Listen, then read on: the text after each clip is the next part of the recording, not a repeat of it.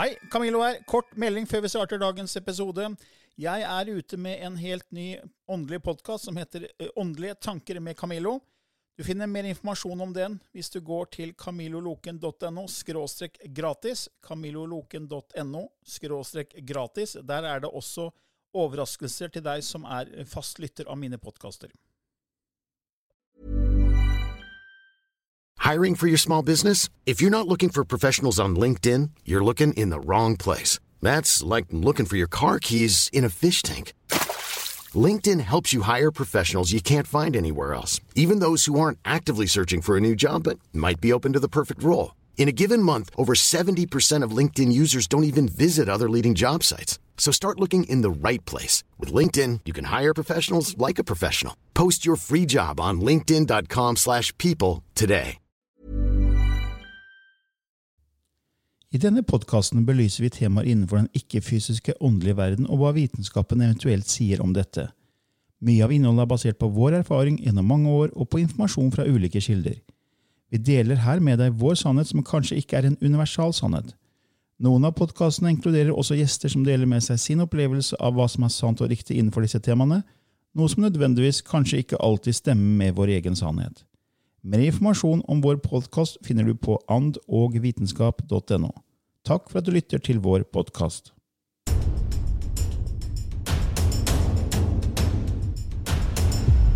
Hei og velkommen til den første sommerepisoden i Ånd og vitenskap.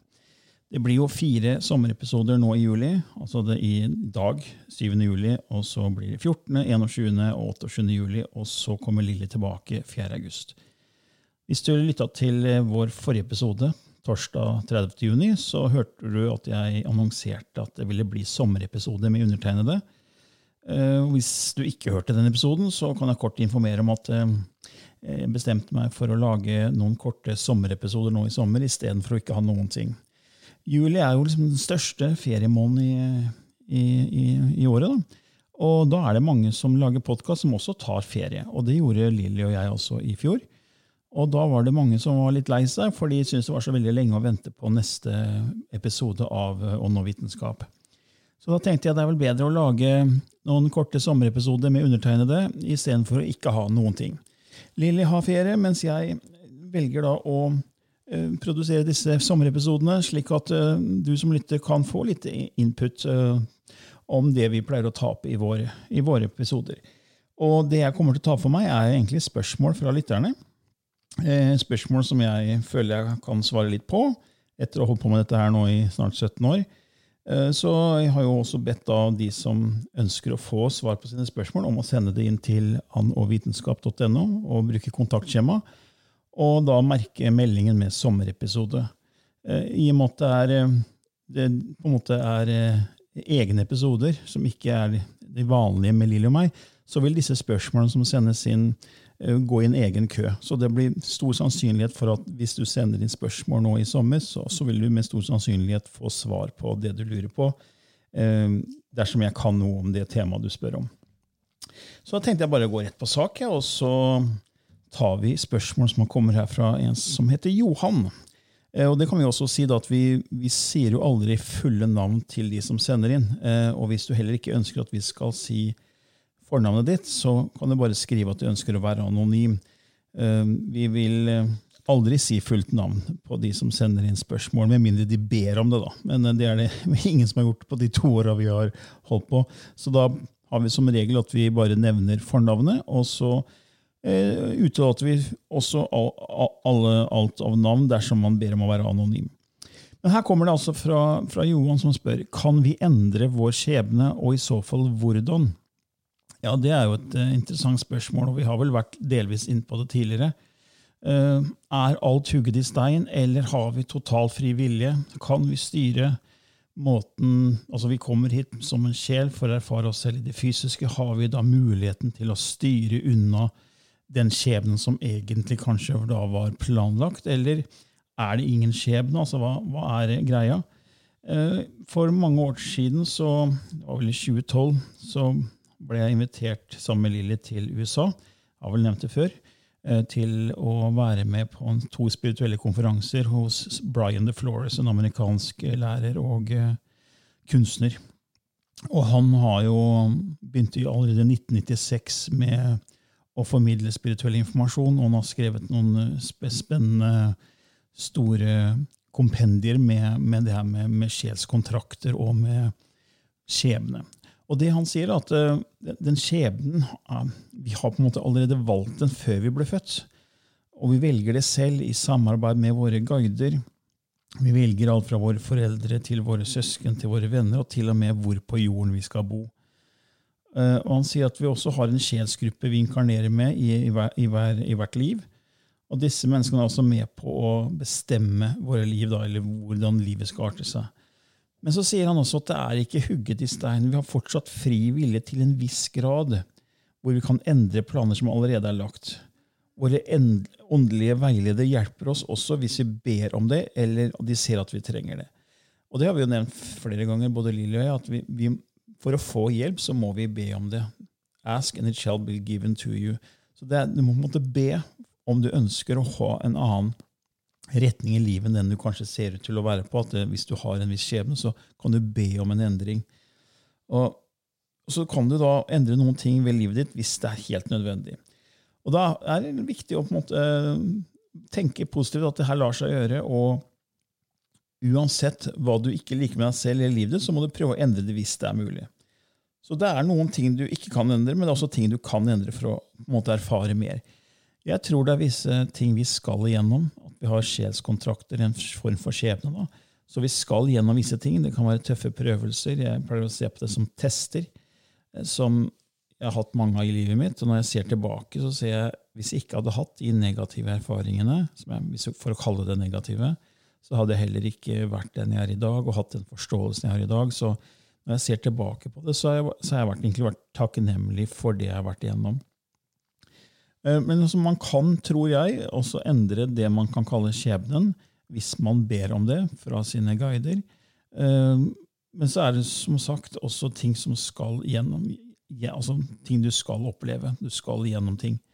Og før jeg, før jeg begynte på min spirituelle reise, så, så, trodde jeg at livet var tilfeldig. Eh, men nå tenker jeg at det er en viss skjebnestyrt system vi er med på, men samtidig så har vi fri vilje innenfor dette systemet. Og jeg har nevnt det før, nevner det igjen. det Jeg ser på det her som et form for avansert spill.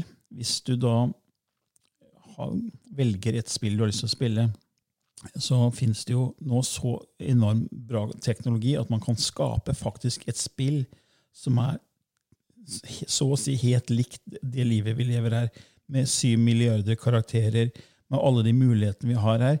Det går an å programmere inn i et spill. Og man kan da forhåndsprogrammere inn alle typer valg vi som mennesker gjør her på jord. Det kan du faktisk programmere inn i et tilsvarende, altså, altså et spill som er, som er tilsvarende det vi opplever på jorda. Så det betyr at du har veldig mange valg inni spillet. Men noen har jo da gjort ferdig og programmert de valgene du gjør. Så Sånn sett så har du ikke 100% fri vilje, men du har fri vilje for, til å gjøre ting innenfor for, for spillet. Det er sånn jeg ser det. Så sånn sett så er det jo da en viss skjebne du skal igjennom. Du skal gå visse veier, men så har du valg innenfor den, den veien du skal gå. da. Det er sånn jeg ser det. Hvis jeg på en måte er bestemt, forutbestemt at jeg skal fødes i Fredrikstad, så skal jeg ut på en lang reise i livet mitt, og så skal jeg ende opp for i Oslo, det er liksom den reisen jeg skal gjennom i livet mitt. Så er det mange veier til Oslo fra Fredrikstad. Jeg kan velge å ta E6 rett fram. Jeg kan ta sjøveien, jeg kan fly, jeg kan gå, og jeg kan ta mange typer omveier. Jeg kan gå via Sverige. Ikke sant? Så det er mange omveier i forhold til å ta E6 rett fram. Så sånn sett så, så vil jeg til syvende og sist ende da opp der jeg skal ende opp, men det er forskjellige valg jeg kan gjøre underveis som gir meg forskjellige typer erfaringer på denne reisen. Det er sånn jeg ser det. da. Og En annen ting er jo at mayaene de mente jo at hver eneste tidsepoke hadde en egen skjebne som alle som reinkarnerte i den epoken, skulle erfare. Jeg har vært innom Maya-kalenderen før og snakket om det.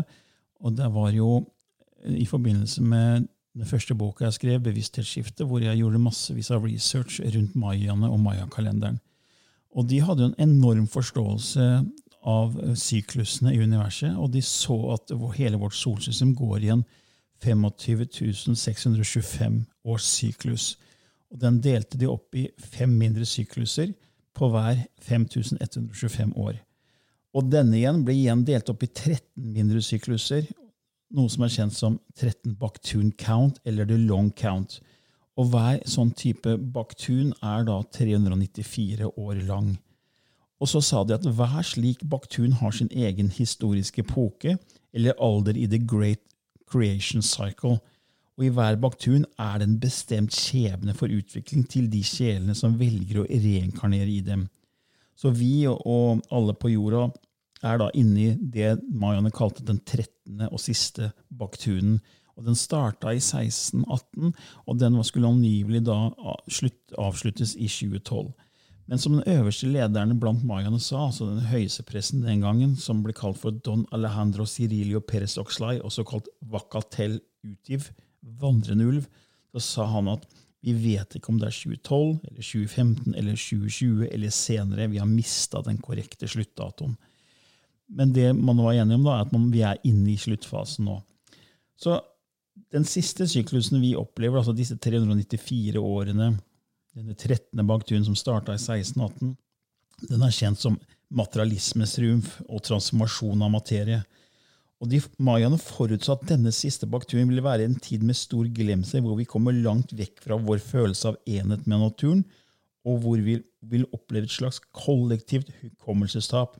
Det er som et minnevirus som sletter vår hukommelse, og vi begynner å tro på den begrensede virkeligheten av det vi ser. Menneskets ego og dominans øker. Og det, det har vi jo sett òg. Det, det, stemmer ganske bra med det som vi opplever, at det er veldig mye fokus på ego, på materialisme. Det er materialismens triumf. Og vi har da reinkarnert inn i denne tidsepoken fordi vi skal være med å erfare det som skjer nå. Alt det som kan se mørkt ut. Det har vært pandemi, det, det, er jo krig nå, som ble veldig mye fokus på. Det er mye som på en måte virker litt skummelt og farlig. Men vi har valgt å reinkarnere inn i denne tidsepoken. Og jeg tror det er, det er For vi skal være med på et skifte. Jeg tror Mayan hadde rett. At vi er inne i en, en sluttfase av en syklus. Eh, denne kjente, store Great Cycle og at vi som sjeler vil kunne være med og gå videre til neste nivå når vi da er med i denne transformasjonen som skjer nå. Jeg har jo lest veldig mye kanalisert informasjon, og jeg har fått høre, eller jeg har lest at flere kanaliserer at det står faktisk sjeler i kø for å få lov å komme til jorda for å være med på dette skiftet. For det er en veldig spesiell tid vi er med på. Man mener at det er slutten på en syklus, og da er det et skifte til et høyere nivå av bevissthet, en høyere frekvensvirkelighet. Så det, jeg, jeg, tror vi har en viss skjebne, og at vi har da valgt å komme hit i den tiden vi lever nå. Så Johan, eh, får håpe det var et sånn ålreit eh, litt svar til deg der på akkurat det spørsmålet om vi, har, om vi kan endre skjebnen vår. Og hvis vi kan det, ja, da mener jeg at da må man be sine guider om, om å, å gjøre det. Så har vi et spørsmål fra Kristin hun sier etter at jeg åpnet opp for det spirituelle, har jeg fått mer innblikk i at vi velger å komme hit som sjeler. At vi er mer enn bare det fysiske, men på en måte har jeg blitt skuffet. Det virker så ulogisk å velge å reinkarnere inn i en verden med mye lidelse og smerte. Hvorfor kan ikke Kilden unngå dette? Jeg synes nesten det må være bedre å være lykkelig uvitende. Ja, det kan jeg jo egentlig være enig med deg til tider, fordi jo mer du begynner å undersøke og finne ut av, av den, den, verden vi lever og den ikke-fysiske verden vi er en del av, så, så kan det virke veldig tøft og eh, slitsomt. Jeg husker når jeg skrev 'Skapelsens paradoks' og fikk veldig mye input fra denne blikkenslageren borte i England, da, som, som, ga meg så mye svar på ting jeg lurte på. Han hadde jo sett hele skapelsen i, i sakte film og satt på en enorm kunnskap, informasjon om, om, at alt er en gigantisk syklus. Og jeg begynte å skrive denne boka hvor jeg innså at det var litt trist, fordi det er en, en kilde som, som, på en måte er alene for å erfare seg selv. Og for å kunne erfare seg selv, så må denne kilden erfare også motpolen til kjærlighet. For hvis du skal elske deg selv, så må du vite hva kjærlighet er. Og for å kunne vite hva kjærlighet er, så må du faktisk erfare det motsatte, som er frykt. Mange spør ja, men hva er frykt egentlig det motsatte av kjærlighet, og det har jeg nevnt før. at Kjærlighet er enhet. Når du blir forelsket i et annet menneske, så det, føler du enhet. Det er liksom, de to blir én. Kjærlighet er enhet. Og det sier jo alle med nær døden-opplevelse også, at de følte enorm enhet i, når de liksom gikk ut av kroppen sin og ble liksom i ett med alt. Det er, det er det kjærlighet. Og motsatt av enhet er jo separasjon, og det er frykten som gjør det at vi Det er liksom fryktbasert. Da, fordi når du tror det er noen utenfor deg selv, det er da du, du begynner å bli redd og frykte ting. For du tror det er noen andre der ute som kan gjøre deg vondt. Så det er det motsatte. Så du kan si at eh, ja, det er mye lidelse, det er mye smerte, og jeg slet veldig med å godta at det kunne være en kilde, en kraft, en gud, i veldig mange år. Fordi altså, akkurat nå så er det noen som kanskje tråkker på en landmine si og mister et bein. Eh, nå er det noen som opplever kanskje overgrep og får traume for livet. Altså, det er veldig mye negativt som skjer på denne planeten her. Og det er så vanskelig å godta at det på en måte har en form for mening. At det er Hvorfor skal en kildekraft som er så fantastisk å kunne skape hele denne, denne, denne verden, dette universet, å ha en sånn intelligens, da må skape så, disse negative erfaringene? Hvorfor kunne vi ikke sluppet unna? på en måte? Jeg tror, jeg tror faktisk det er sånn at vi må gjennom smertelidelse for å kunne sette pris på det som er bra. Og det har jeg sagt, jeg, jeg kanskje hører at jeg repeterer meg litt her nå, men jeg, har jo tatt fram dette eksempelet med sykdom før, hvor hvis du er sengeliggende og har feber og sliter og kanskje kaster opp, kanskje du har diaré, kanskje du har veldig vondt i kroppen din, og du er gjennom en sykdomsperiode, da blir du enormt takknemlig når du merker at kreftene kommer tilbake og du blir frisk igjen. Og, og da setter du pris på det å være frisk. Og der og da så er det en, en, fantastisk følelse. Men så begynner man å ta det for gitt igjen. ikke sant? Og så blir vi litt plasserte. og så, Sånn er det egentlig med alt. Men disse motpolene som vi erfarer, for det er det det er her på jord, det er dualitet, det er motpoler. Og uten motpolene, uten dualiteten, så ville vi ikke kunne erfare egentlig noen ting. Da ville vi ikke visst hva noen ting var. Og er, Hvordan kan du vite hva som er høyt, hvis ikke du vet hva som er lavt? det må liksom det må være mot, motpoler. Tykt, tynn, og høyt og lavt. Sterkt, svakt, eh, varmt, kaldt, lys, mørke. Hvordan kan du vite hva mørket er, hvis ikke du vet hva lys er, og motsatt? Det er først når du, Hvis du er i et veldig veldig mørkt rom, og du tenner et lys, ja, da plutselig får du en kontrast. Og så gir det en, en helt annen erfaring, for du har muligheten da til å kunne erfare alt fra mørket til lyset, fra frykt til kjærlighet. Det er det som egentlig er unikt med denne, denne planeten og denne tredimensjonale verden vi erfarer oss selv i. Da. For Jeg tror vi kommer hit helt frivillig og velger vår egen, egen eh, måte å leve på, hvilket, hvor i verden vi skal bo, hvem som er våre foreldre, hvem som er våre søsken. Så Vi har en viss skjebne, som jeg nevnte i forrige spørsmål. Og så må vi gjennom visse ting som kanskje da virker unødvendig. Men sett, hvis du zoomer ut og ser enda større på det, begynner å tenke sykluser og tenke reinkarnasjon og tenke karma Og karma har jeg sagt mange ganger, for meg er ikke straff. Karma er utforsking av følelser. Så hvis du for har gjort noe grusomt mot et menneske i et annet liv, så er det ikke sånn at å nei, da blir du gjenfødt, og så får du det samme grusomme gjort mot deg. Det kan godt være at du får det, men det er ikke noen som bestemmer at du skal gjennom det. Det er noe din sjel vil selv velge for å utforske den følelsen. Og Det høres ganske rart ut, men det er når man velger fra sjelsståsted, så er det en helt annen kall det mindset enn det er fra menneskeståsted. Fordi ett liv er ikke så lenge. Altså ett liv La oss si nå tror jeg kanskje snittalderen er rundt 80 år, kanskje litt lenger for kvinner. Ikke sant? Sånn 80 for menn, og så er det kanskje et par 80 for, for, kvinner. Jeg skal ikke helt si sikkert det. Men, og det er egentlig ingenting i hele skapelsen. Det er bare et blaff.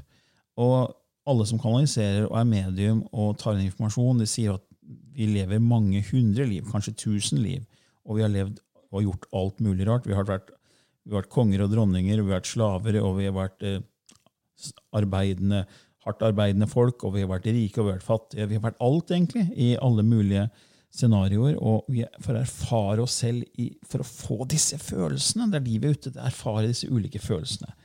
Det er det hele, jeg tror hele poenget med denne tredimensjonale dualitetsverdenen er her for. Så Kristin, ja, eh, ja, det kan virke urettferdig, og det er mye lidelse, og sånn, men det er en del av hele, hele gamet, hele spillet, sånn som jeg ser det. Ok, Håper det var et greit innspill til deg der. Og så har vi et spørsmål fra Ines, som sier hvordan kan eh, ånder, guider, se oss eller følge med på oss uten en fysisk kropp? Ja, det er jo et uh, fint spørsmål. Uh, jeg tenker jo at uh, den naturlige tilstanden til ånder og guider er uten kropp. Kroppen er egentlig et, bare et verktøy for å få ting gjort her på tredje nivå, altså på, i den, den verden vi lever i. Tre, det tre dimensjoner. Så, men vi har jo et veldig lavt vibrasjonsnivå her alt det vi klarer å se av det fysiske, det vibrerer veldig sakte, slik at vi klarer å fange det opp med våre fem sanser. Hvis alt rundt oss hadde begynt å vibrere mye høyere og mye raskere, så hadde det på en måte forsvunnet ut fra vår, vår verden. Vi hadde ikke klart å fange det opp lenger. Så for at vi kan kunne se det og erfare det her i lineær tid, så må det vibrere ganske sakte. Og da er det ganske tung energi her. Det er sakte vibrasjoner, lave vibrasjoner, som gjør at vi kan se ting. Og Du kan sammenligne det med å prøve altså, så, så, så, Vi har veldig sakte vibrasjon, lav vibrasjon, og guider, ånder, de har mye høyere vibrasjon. Så du kan sammenligne det med å prøve å se bunnen av et dypt hav fra overflaten. Du klarer ikke det, ikke sant? for at du vil bare se at på en måte, du, jo lenger ned du går, jo nærmere kommer du til å kunne se bunnen. Men fra overflaten klarer du ikke å se bunnen, så du må dykke lenger og lenger. Til slutt så vil du se bunnen. Men det er er, du vil ikke ha sjanse til å se det fra overflaten. Så hvis du har et høyt, høyt vibrasjonsnivå, så vil du ikke kunne se oss på dette lave vibrasjonsnivået. Du må faktisk senke vibrasjonene dine. Og det er det samme som da å måtte dykke ned i havet for å kunne til slutt se bunnen. da. Så i, i, så måte så er denne analogien med havet det er egentlig veldig fin, fordi jo lenger ned du går, jo mørkere blir det jo i havet. ikke sant? Og tyngre blir det også. Det blir veldig tungt å gå langt ned i havet.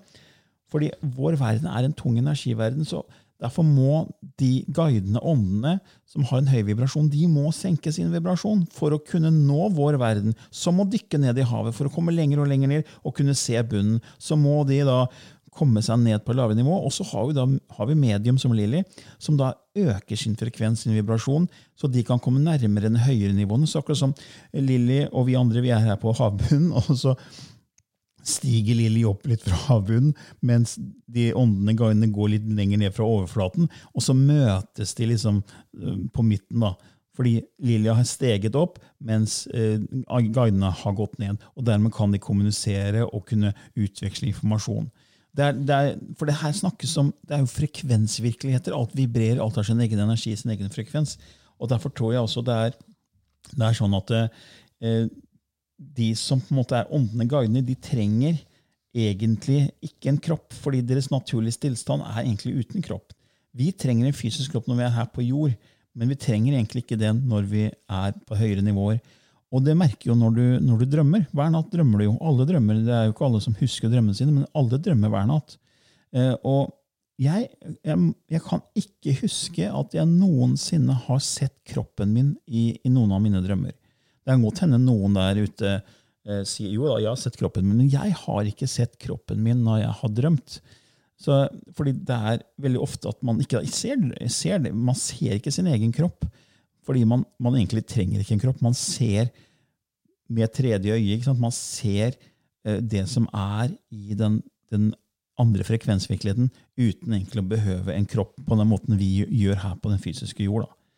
Så, sånn sett så kan man si at eh, de trenger egentlig ingen, ingen fysisk kropp for å kunne følge med på oss, men de må senke sine vibrasjoner for å komme langt nok ned til å få kontakt. Og Derfor er det altså så viktig for oss å også be om hjelp. For når vi lukker øynene, går inn i oss selv og ber, så går vi ned i lavere hjernebølger. Og da får vi mer tilgang til det underbevisste, som igjen er den porten til det kosmiske. Og dermed kan vi komme litt høyere opp i, i frekvens, for så å kunne møte de guidene og de åndene. Derfor er det alle sånne øvelser i hvordan du skal få kontakt med guiden din, hvordan du skal få en høyere frekvens. Alt det handler om å ha fokus innover, lukke øynene og lange, dype pust inn og ut gjennom nesa. For da aktiverer du det parasympatiske nervesystemet, som automatisk roer ned både hjerte og lunger og hjerneaktivitet og alt sammen. Så du roer deg helt ned og går ned i lavere hjernebølger, som da er nøkkelen til å kunne komme inn til disse andre frekvensvirkelighetene. Og det er jo det Lilly gjør hver eneste gang vi, vi gjør lysspråket eller gjør kanaliseringer. Så gjør hun disse. Hun lukker øynene, hun senker, senker hjerteaktivitet, hjerneaktivitet, går ned i lavere hjernebølger, og hun gjør det veldig raskt, fordi hun har øvd seg så mye på det gjennom 33 år. Og dermed så kommer hun opp i høyere frekvensvirkeligheter og kan nå disse. Ja, jeg håper det var også et greit svar til deg der, Enis. Og jeg ser at nå er, har vi faktisk sitt, Eller vi, sier jeg, sier jeg har jo sittet her nå i, i 25 minutter til, i det jeg trodde skulle bli noen korte sommerepisoder. Eh, men vi rakk i hvert fall å gå gjennom tre forskjellige spørsmål her. Så jeg håper Ines og det var Johan, og så var det Kristin. Håper dere fikk litt utbytte av denne sommerepisoden. Så hvis eh, du som lytter på nå, kunne tenke deg å få svar på noe du lurer på, så bare send inn. Gå til annovitenskap.no kontakt. Og så skriver du inn meldingen din der og det du ønsker jeg eventuelt skal svare på. Og husk å merke da episoden med, eller meldingen med sommerepisode, så jeg vet at det gjelder spørsmål for akkurat denne podkasten her. Hvis du da selvfølgelig kunne tenke deg å få svar fra Lilly også, så kan du også sende inn, men da må du ikke merke, merke Eh, meldingen med sommerepisode. fordi da er det kun jeg som svarer på det. Da vil spørsmålet gå inn i den vanlige køen til alle de andre som ligger der. Og der har vi allerede en lang liste med spørsmål som, som venter på å bli publisert. Så da vil det ta mye lengre tid før du får svar. Så har du spørsmål du lurer på, så bare send det inn til meg, og så skal jeg se om jeg kan svare på det i løpet av disse sommerepisodene. Ja, det er sol og sommer. Mange nyter eh, deilige dager. Ferie. Og eh, brått så er vi tilbake i hverdagen. Så kommer høsten, og så er det vinteren her, og det er mørkt og det er kaldt. Og I den forbindelse så har jeg lyst til å nevne litt om eh, at min kone Synnøve og jeg vi har allerede nå satt opp to turer til Lanzarote for å lade batteriene på vinterstid og få en fin drømmeuke der på, på vinteren. Deilig å komme seg litt vekk når det er kaldt og mørkt her hjemme. Så hvis du kunne tenke deg å få påfyll for kropp, sinn og sjel på vinterstid, så har vi satt opp to turer, eh, uke fem og uke seks i 2023. Det er da slutten av januar og begynnelsen av februar. Det er nå kun ett rom ledig igjen for, eh, for uke seks, altså i begynnelsen av februar, og så er det fem rom ledig igjen i slutten av januar. Så hvis dette er noe du kunne tenke deg å lese mer om, så gå inn på andogvitenskap.no skråstrek Lanzarote, og da Lanzarote med Z. L-A-N-Z-A. Rote. Lanzarote. Og det kommer til også å bli, bli, en liten vintur inkludert i programmet vårt, i og med at Lanzarote er kjent for sin egen vinproduksjon. Så da får vi lære litt om vin, vin, vinproduksjon samt vinsmaking og lokale oster. Så det blir, det blir et veldig fint program eh, på vinterstid på Lanzarote. Da får vi påfyll som sagt for både kropp, sinn og sjel. Så med det så sier jeg takk for denne gangen, og så er jeg tilbake neste torsdag med en ny sommerepisode. Så nyt sommerværet så lenge. Ha det bra! Here's a cool fact. A crocodile can't stick out its tongue. Another cool fact, you can get short-term health insurance for a month or just under a year in some states. United Healthcare short term insurance plans are designed for people who are between jobs, coming off their parents' plan, or turning a side hustle into a full time gig. Underwritten by Golden Rule Insurance Company, they offer flexible, budget friendly coverage with access to a nationwide network of doctors and hospitals. Get more cool facts about United Healthcare short term plans at uh1.com.